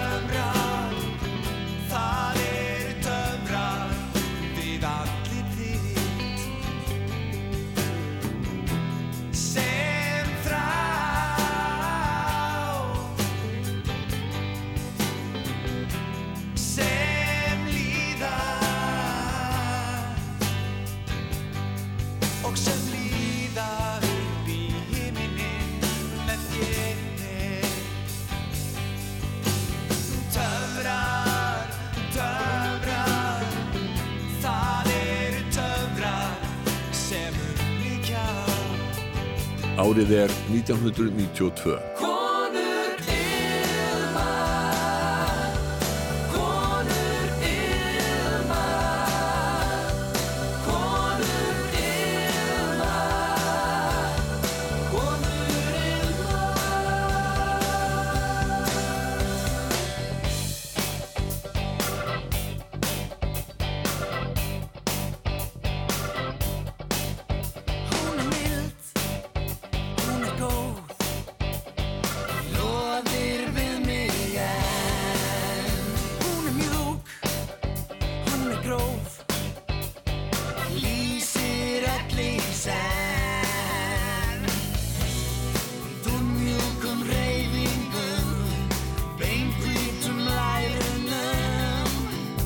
Hljómsveitin Nýdönsk hafði rift samningum við Steina og gert fimm ára samning við skífuna. Meðlimir voru ákveðnir í því að næsta plata er tekin upp Erlendis og hösti 1992 var platan himnasending til í Jacob stúdíónu í Surrey á Englandi.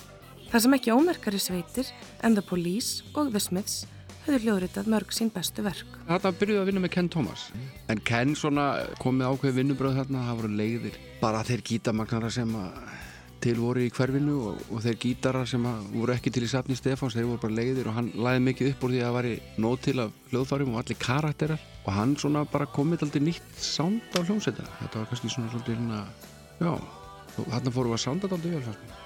Þetta var líka öðruvísi vinna heldur en við höfum áður, áður gert.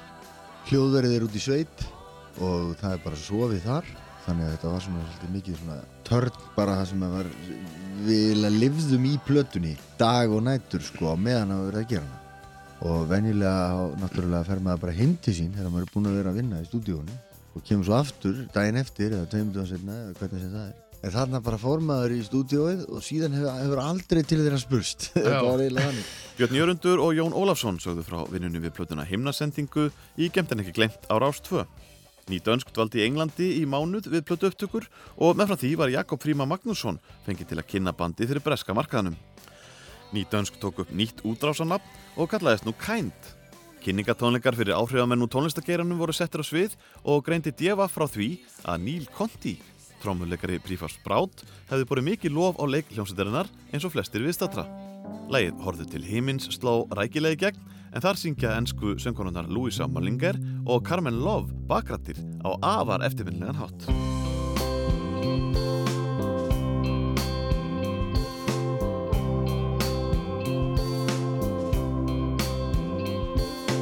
Bölmóðsíkju brestir bera vottum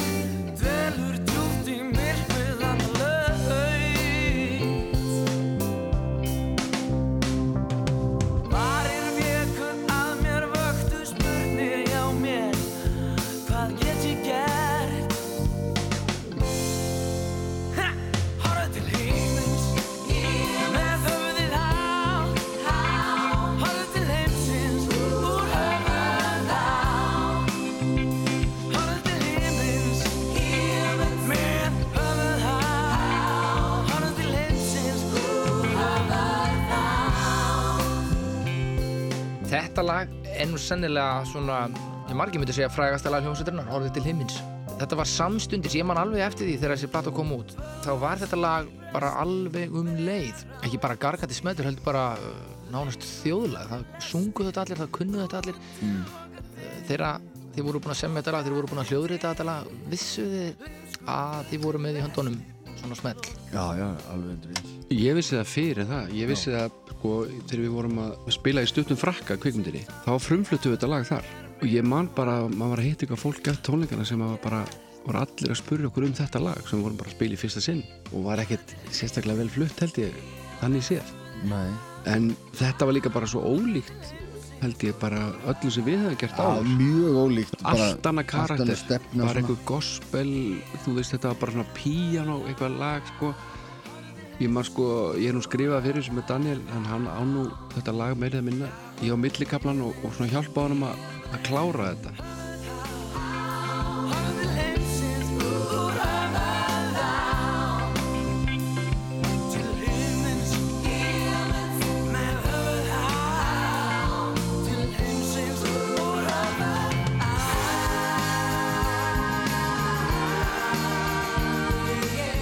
Árið er 1992.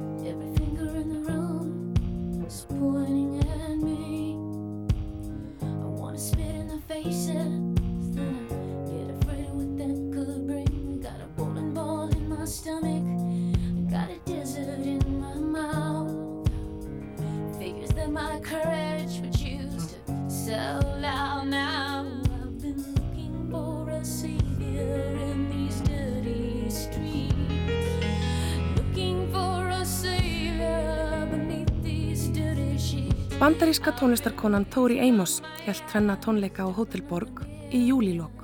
Tori Amos setti tvær kröfur þegar tónleikaferðalagið var skipulagt að fara til Ísraels og Íslands.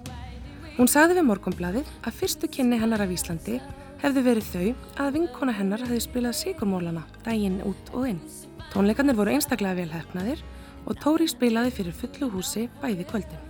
Á listaháttíð Reykjavík var bóðið upp á Gypsy Kings í Laugardarshöll og bandaríska söngkonan Nina Simone hjælt jazz tónleika í Háskóla bíói.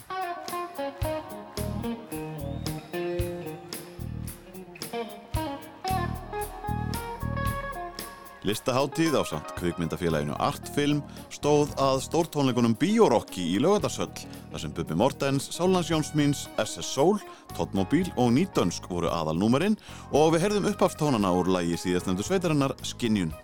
Biorock tónleikarnir voru kvikmyndaðir fyrir bíómyndina Stuttur Frakki sem var frumsýnd ári síðar en með þessum tónleikum hófst átakið Íslenskt tónlistasumar 1992.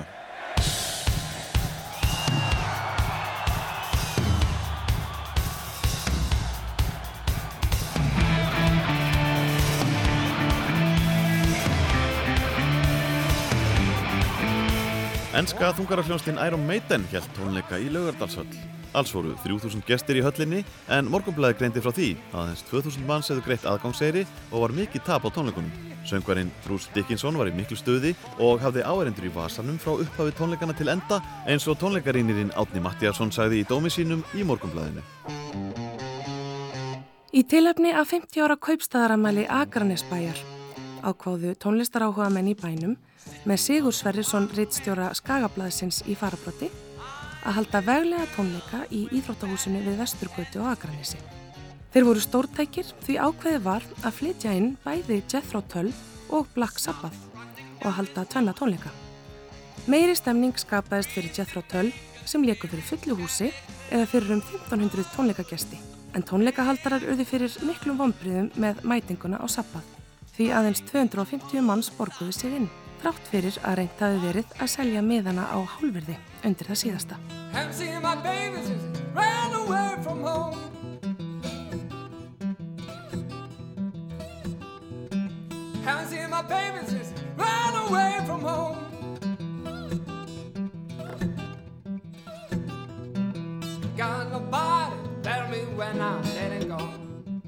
Pétur Tyrfingsson sálfræðingur og faðir gítarleikarans Guðmunda Péturssonar fór fyrir tregasveitinni sem gaf út samnemnda plötu fyrir jólinn. Platan innihjalt nýju lög og þar af tvö frumsaman. Hér flytur sveitin lægið Ain't Got Nobody eftir Guðmund en mikil blúsbylgja gekk yfir landið á þessum tíma.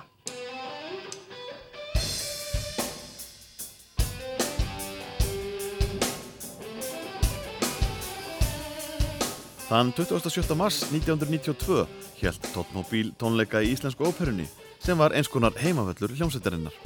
Tónleikarnir voru sögulegir vegna þess að þeir voru teknir upp og gefnir út á hljómplötu sem nefndist einfallega 2603. Þar voru vinsarstu lögsveitarinnar flutt lífandi og eitt þeirra var lagið Stelpurokk sem kom uppalega út á fyrstu plötunni betra en nokkuð annað en á plötunni voru líka fjögur ný hljóðverslög sem ekki höfðu komið út áður. Hljómsettin hafði engóku gert út á tónleikamarkaðin en um sumarið 1992 hóna spil á dansleikjum og Þorvaldur Bjarni Þorvaldsson fræðir okkur um hvernig það kom til. Það einfallega þróaðist þannig að við fórum strax í tónleikaferðir. Þannig að við keirðum uh, kringum landið, bara vorum með stóra rútu og, og uh, hérna, heilt krjúa fólki með okkur og, og það allt saman. Og að halda tónleika á, á þessum uh, stöðum út um all land það, ég meina þú ert mjög góður eða koma 150-200 manns, það er bara alveg frábært og það segir sér sjálft að þegar þú ert með svona stóra útgerð þá er svolítið erfitt að borga öllu laun ef, ef þú gerir bara þetta. Þannig að í rauninni þá höfðu strákarnir í hljóð og ljósatildinni svolítið áhrif á okkur. Akkur prófið ekki að taka eitt balli hérna á Akureyri meðan við erum með tónleika? Og við gerðum það og þá bara komið ljós að við eh, áttum erindið ángað að það var fullt af fólki sem langaði að koma á böl þannig að þetta var það svona bara aðal starfi okkar. Þannig að við störfiðum bara á áskrundulli við að spila og það náttúrulega breytti heilmiklu Eitt nýju lagana á tóttmóbílplötunni 2603 var lagið Lommir að sjá eftir Þorvald Bjarnar við texta Andriðu Gilvardóttur.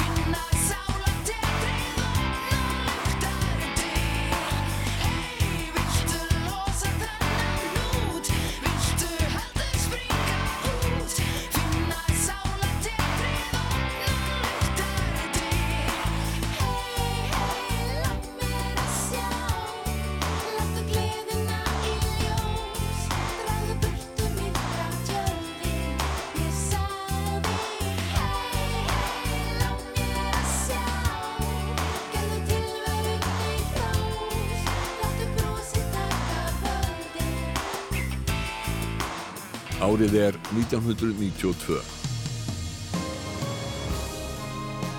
Söngakeppnin Landslægið var haldinn í síðasta sinn árið 1992. Keppnin hafði verið haldinn frá árinu 1989 og þetta árið fórum fram í Sjallanum á Akureyri. Þorvaldur Bjarni Þorvaldsson stjórnaði hljómsveitinni á sviðinu og sigurlægið var Ég man hverja stund eftir Jón Kjell við texta Jónasar Friðriks. Pálmi Gunnarsson og Guðrún Gunnarsdóttir fluttu lægið. Ég man hverja stund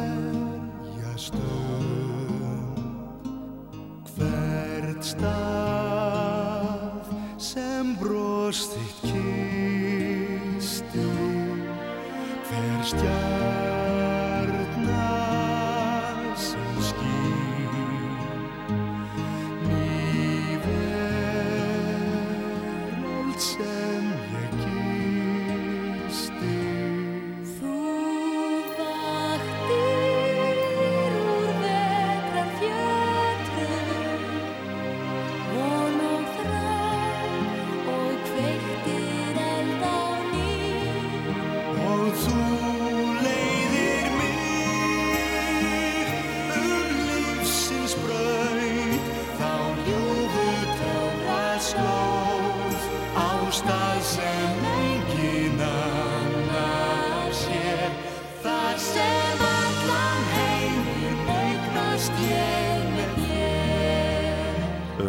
Vestlunumannahelgina var Eldborgarháttíðin haldinn í fyrsta sinn á Kaldármælum með mörgum að helstu hljómsveitum landsins og ungmennasamband Östfjarða hjælt útiháttíð á Eiðum.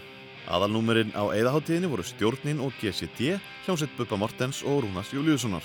GCD sendi frá sér nýtt lag fyrir Vestlunumannahelgina sem vakti mikið umtal. Má ég sofa hjá þér Þar ég en að býða Ég er ekki að byggja um kiss on me.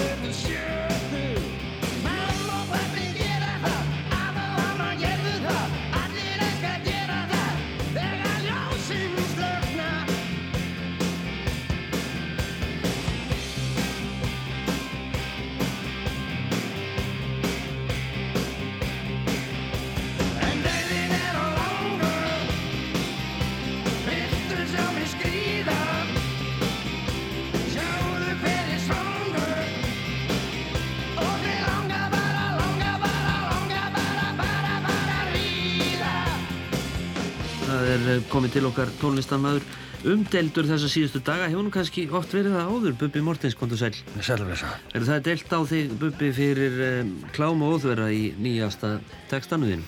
Já, ég, eh, mér þykir það voru leiðilegt. Ég ætlaði nú ekki að, að ekki að styggja þjóðarsálina eða særa blíðunarkjönd fólks. En það hvarlaði nú ekki að mér, sko, árið 1992 á fólki þætti orði ríða eitthvað gasalegt. Ég er mjög hlessa. Ég hef notað þetta orði í textum frá 1980 og hérna, ég eh, er pingulítið orðlaus vegna þess að hérna, þetta er nú það orð sem oftast er notað yfir þá aðtöftiða fólk fyrir saman í rúmið. Ég vil nú frekar syngja um að ríða en að syngja um ofbeldi og, og, og bá svona kannski gæði eitulifja og svo framvegis. Og ég tel þetta jákvæðir hlut, mér finnst þetta að vera svona svipa bara að borða, sko. Ég er svangur, mér langar að ríða, ég, ég sé engan greinamun á þessu og hérna kannski er það vegna þess að, að hérna ég hef aldrei verið alin upp við það að það væri eitthvað ljótt við þetta orð. Þarna heyrði Sigur G. Tómasson spjalla við Bubba í dægumalótarpinu á Rás 2 og undir hljómar hið umdeldala GCD sem aldrei hefur verið gefið út. Árið er 1992.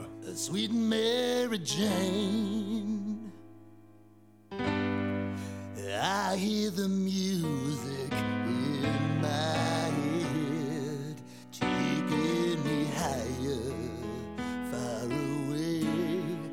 When all seems lost I hear you whispering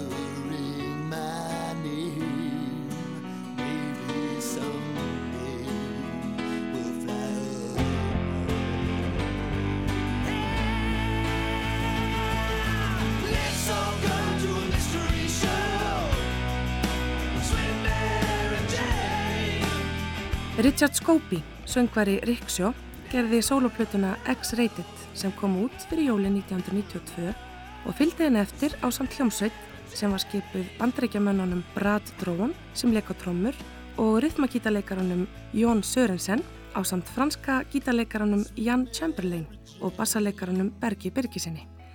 Þeir heldu útgáfi tónleika í tunglinu í lok november en boðsmiðin var kross í leðurbandi.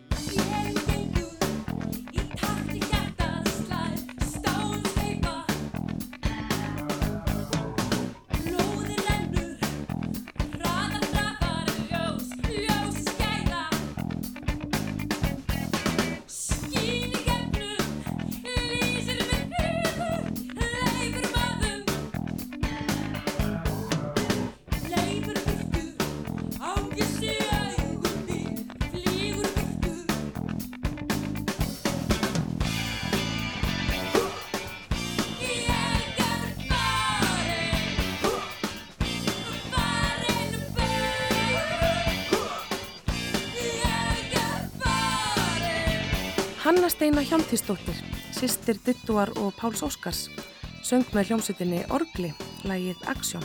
Orgill hafði verið til í þrjú ár þegar fyrsta og eina stóra platan kom út, en hljómsveitarmeðlimir slóu viksil og gáfu plötun út sjálfur.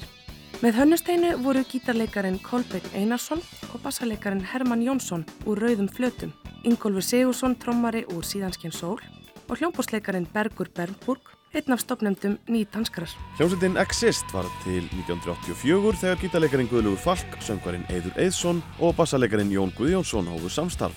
Trommarinn Sigurður Reynisson gekk í sveitina í áspyrjun 1992 og platan After Midnight var tekin upp í stúdiói Stefi í Kópavogi sem var í sama húsi og trúfélagið Krossin. Exist hjælt útgáðu tónleika á púlsinum 20. júni og á sama tíma bárust fregnir af því að sveitin væri í samningavirðum við útgefundur í Los Angeles.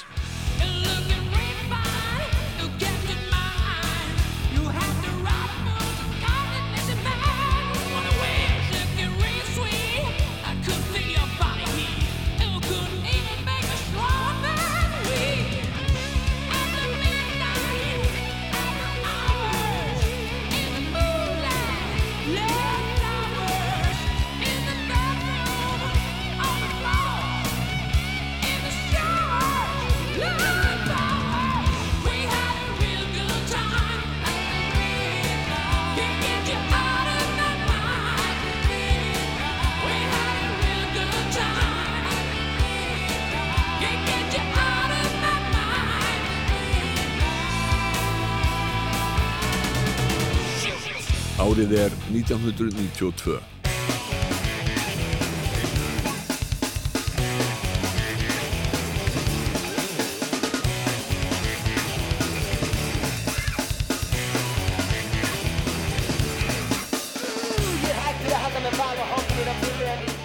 Þrátt fyrir miklar vinsaldir þetta sömbar 92 og, og fram að því þá var það nú svo að það var svona svolítil ókýrð í hljómsveitinni engum í sambandi við lagasmíðanar því að Guðmundur hafi nú setið svona einn að þeim og ég að textunum mest begnis þó að Friðrik hafi nú komið inn. En menn vildu svona fá aðeins að taka mér þátt í þessu sem var kannski skiljanlegt að mörguleiti og það bara sögð svolítið í sveitinni og, og þetta var svolítið skrítin, skrítin aðstæða sko. við vorum rosalega sko, vinsalir og höfðum mikið að gera og, og hérna, vorum í svona drauma stöðu. Bara margra hljómsveita en samt var hérna, ullandi óanægja undir. En niðurstaðan var svo svona til þess að læja öldurnar að við gerðum plötu hérna hausti 92 og að hún erði gerð svona í saminningu svona upp á gamla móðin fórum bara í inn í æfingahúsnæði og við gerðum bara lögin saman og svo þeir sem vildu sem er texta þeir tóku það bara að sig og það var lögð svona ákveðin lína í textagerðinni þetta átti að vera svolítið hard rock og til þess að rýmaðu hard rock þurftu að hafa svolítið grófa texta og, og úr var þessi plata, þessi þungu högg sem var náttúrulega algjör já, nánast bylting fyrir okkar áhangendur sko. Að þetta var ólíkt því sem höfum gert fram til þessa sko og fólk var svona eiginlega hálf kvumsa þegar þessi plata kom út. Hún seldist nú samt bærilega held ég en það var, kom svolítið óvart sko. Stefán Hilmarsson talaði um fymtu plötu sálarinnar, þessi þungu högg, sem sveitin vann með upptökustjórunum Erik Sobler sem átti stóna þátt í því hversu vel platan hljómaði. Ekki voru allir ánæðir með sinnaskiptin eins og kom fram í fyrirsögn plötu dóms í dagblæðinu Vísi en þar stóð þessi þungu klámhögg Og í dómnum sagði Sigurður Þór Salvarsson annars er það um þessa plötu sálarinnar að segja að hún er ekki alvond þó hér sé margt afspyrnu leðilega tónsmíða og ennverði texta. Hljómsveitin er jafn góð eftir sem áður og skýrar af sér fyrsta flokks vinnu. Þráttur þetta seldist platan vel, eins og Stefán kom inn á, og smetturinn á plötunni er eitt vinsalasta stuðlag sveitarinnar, enn þann dag í dag. Ég þekki þig.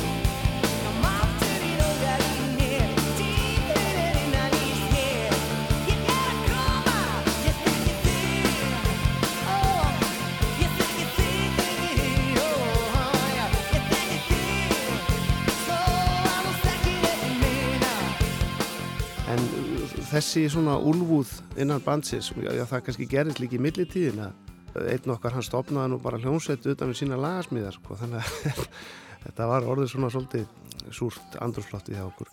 En þetta var svona eiginlega til þess að í kjölfærið þá sprakk bandið sko, og lagði bara niður störf. Já, það var í tvö ár sem við komum ekki saman aftur. Sko. Þetta menn þurftum bara, menn voru búin að vinna rosalega mikið saman og náið, eiginlega ég, ég, Guðmundur, Friðrik og Jens, nánast linnulöst frá árspyrjun 89 og spilum rosalega mikið, við vorum veist, með kannski þrenna verna, fimm tónleika í viku sko. Þannig að bandið svona, já, sprakk hálpartinn hann í árslokk á þess að það væri nú mikil hlugöldasýning í kringum það, við svona bara höfðum hægt um það. Það var við gáðum aldrei út neina tilkynningu þess efnis að hljómsið væri hægt, að því að við svona tólkur þetta frekar bara sem hýði, eitt af mörgum hýðum sem við skriði í. Með þessari plötu var lokið litríku fjögur ára tímabili sálarinnar hans Jónsmins. Sveitin var meira eða minna í fríi næstu tvö ári. Stefán talaði þarna um hljómsveit sem einn af meðlimum sveitarinnar hafi stopnað fyrir lagasmíðar sínar en það var bassaleikaran Friðrik Sturluson. Það urði Friðriki mikil vonbriði þegar lögum sem hann færði fram á fundi sálarinnar var hafnað. Hann vildi gera eitthvað með lögin og stopnaði hljómsveitina Fríðu Sársauka. Í hljómsveitinni voru meðal annara söngkonan Kristjana Stefansdóttir og leikarin Andri Klásen sem hafði verið í hljómsveitinni Andrjú á sínum tíma. Hann lést langt fyrir aldur fram árið 2003 en þess má geta að dóttir hans, Agnes Björt, syngur með hljómsveitinni Sigur. Fríða Sársauki starfaði með hljegum til ársins 1993 og á plötunni Lagasafninu 5 sem kom út árið 1996 voru þrjú lög sem tekin voru upp lifandi árið 92 og eitt þeirra, Líknarmorð, hljómar hér undir.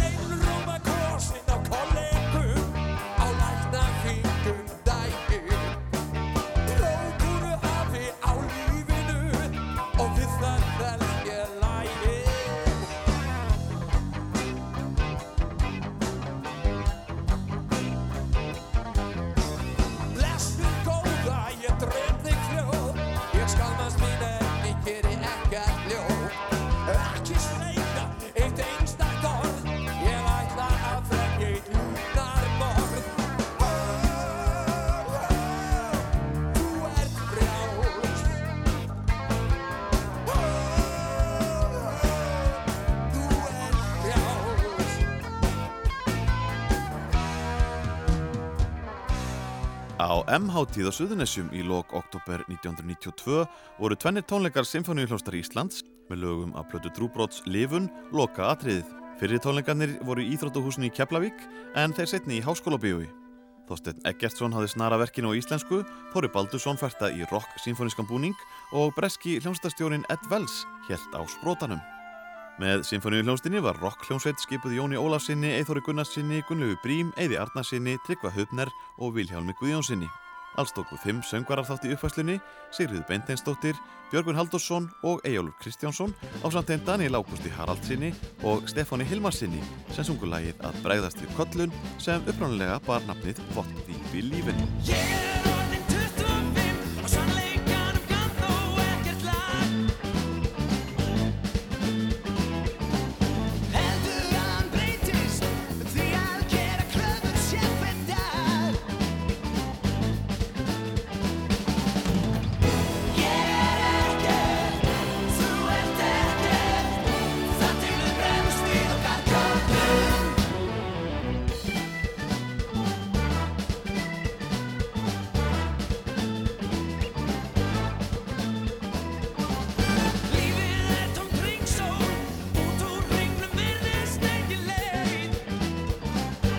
Árið er 1992. Plötuvertíðin þetta árið var nokkuð merkileg því Sálinan Sjónsmíns og Bubbi Mortens þurft að láta í minnipokan fyrir Kristjáni Kristjánsinni sem tók toppsætið á samt KK-bandinu. En platan Beinleið seldist í 10.700 eintökum. Platan svo innihjalt meðal annars lagasmíðar úr leiksýningunni Þrúur reyðinar sem var einn vinsælasta síning ársins. Bubbi var þó ekki langt undan því platan Von sem tekin var upp á kúpu seldist í 10.500 eintökum. Lísa Pálsdóttir spjallaði við Bubba og KK í annál Rásar 2 um áramótin 1992. KK, þú slóst Bubba út í sölu þetta árið. Var það alltaf gaman? Mórall er þetta, þú lofaði mér allt öðru. Fyrirgeðu Bubbi, ég ætla ekki að gera þetta. Mástu hverju þú lofaði mér? Þú lofaði 6.200 eintökum. Það bara fór úr böndum ykkur. Já, það er verið að hafa eh, meiri kontról yfir honum pissa. Það er semst ekki stríða með líka tekja. Nei, við hefum stanslöft að pína hvern annan maður. Nei, Lísa, sérðu til, við KK og Þoller, við erum búin að þekkjast frá því að ég, svona, og Þoller erum búin að þekkjast frá því við reyktum njóla saman. Síðan flutti Þoller á Gretto og ég fylgdi þangað svona í partíinu og annað. Stríð? Nei, við erum perluvinnir og, og hérna, og ég segi það sko af heilum hug og það gleði mitt auðma hjarta að KK skuli hafa gert svona vel þessi jól. Það er engin spurning og gleði mig jætvel meira en hann og hann kannski veit ástæðuna. Veist hann? Við bara erum, við skulum segja, sko, við stöndum saman, sko. Já. Plata nýdanskrar, himnasending, fór yfir búðaborðið í 8000 eintökum og rétt á hæla þeirra kom Sálina Sjónsmins og platan Þessi þungu högg sem seldist í 7500 eintökum. En plata nýliðana í Jet Black Joe var framleitt í rúmlega 7000 eintökum og seldist upp nokkrum dögum fyrir jól. Og þá er árið 1992 á enda. Ég heiti Sigriður Torlasíus, umsónumenn þáttarins eru Ásker Eithórsson og Gunnlaugur Jónsson og Jónatan Garðarsson aðstóðaði við handritskerð. Í næsta þætti skoðum við Íslenska tónlistarárið 1993. En við endum á Bjartmari Guðlöksinni og læginu Kaffi Tröð af plötunni Engisbrettu faraldur Haraldur sem kom út á því herransári 1992. Takk fyrir að hlusta. Á kaffi tröð Í kultúrista hópi sitt ég einn og kanna lífsins löpu kjör.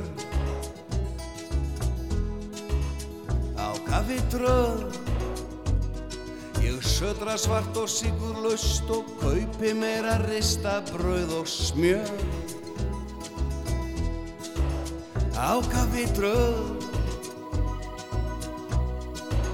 Á kaffi Á kaffi tröð. Spádómsvísi spekulatar spyrja einskís þekking fyrir næg Á kaffi tröð. Jónan var í heðri höfuð og síran heldur ekkert allt og væg. Á kaffi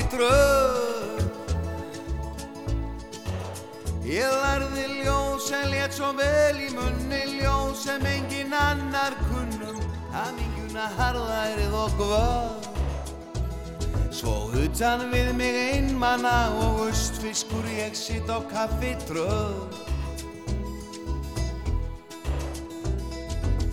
Pant vera tótninn í tilbrigði lagsins Pant vera skáldið sem skild allt svo vel Pant vera nóttin sem hjá svæfa dagsins Draumanna svík ég og sál mína sel. Ég vil verða Þúrbergur, ég vil verða Lagsnes Pant vera Lenín en þú mátt vera Marx Því nú er komin önnur tíð með ástafur tæ og telefax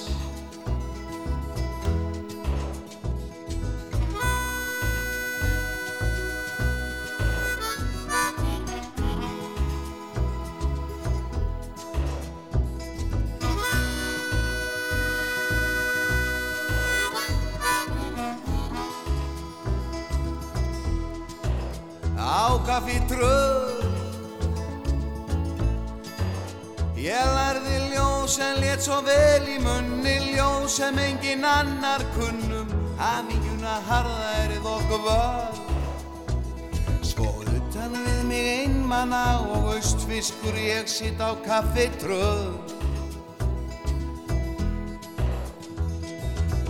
Pantera tókninn í tilbrygði lagsins, Pantera skáldið sem skild allt svo vel. Pantera nóttin sem hjá svæfa dagsins, Draumanna svík ég og sál mína sel. Ég vil verða Þórbergur, ég vil verða Lagsnes, Pantera Lenín en þú mátt vera Max. Því nú er komin önnur tíð með ástaföru tæ og telefax. Já, nú er komin önnur tíð með ástaföru tæ og telefax. Já, nú er komin önnur tíð með ástaföru tæ og telefax.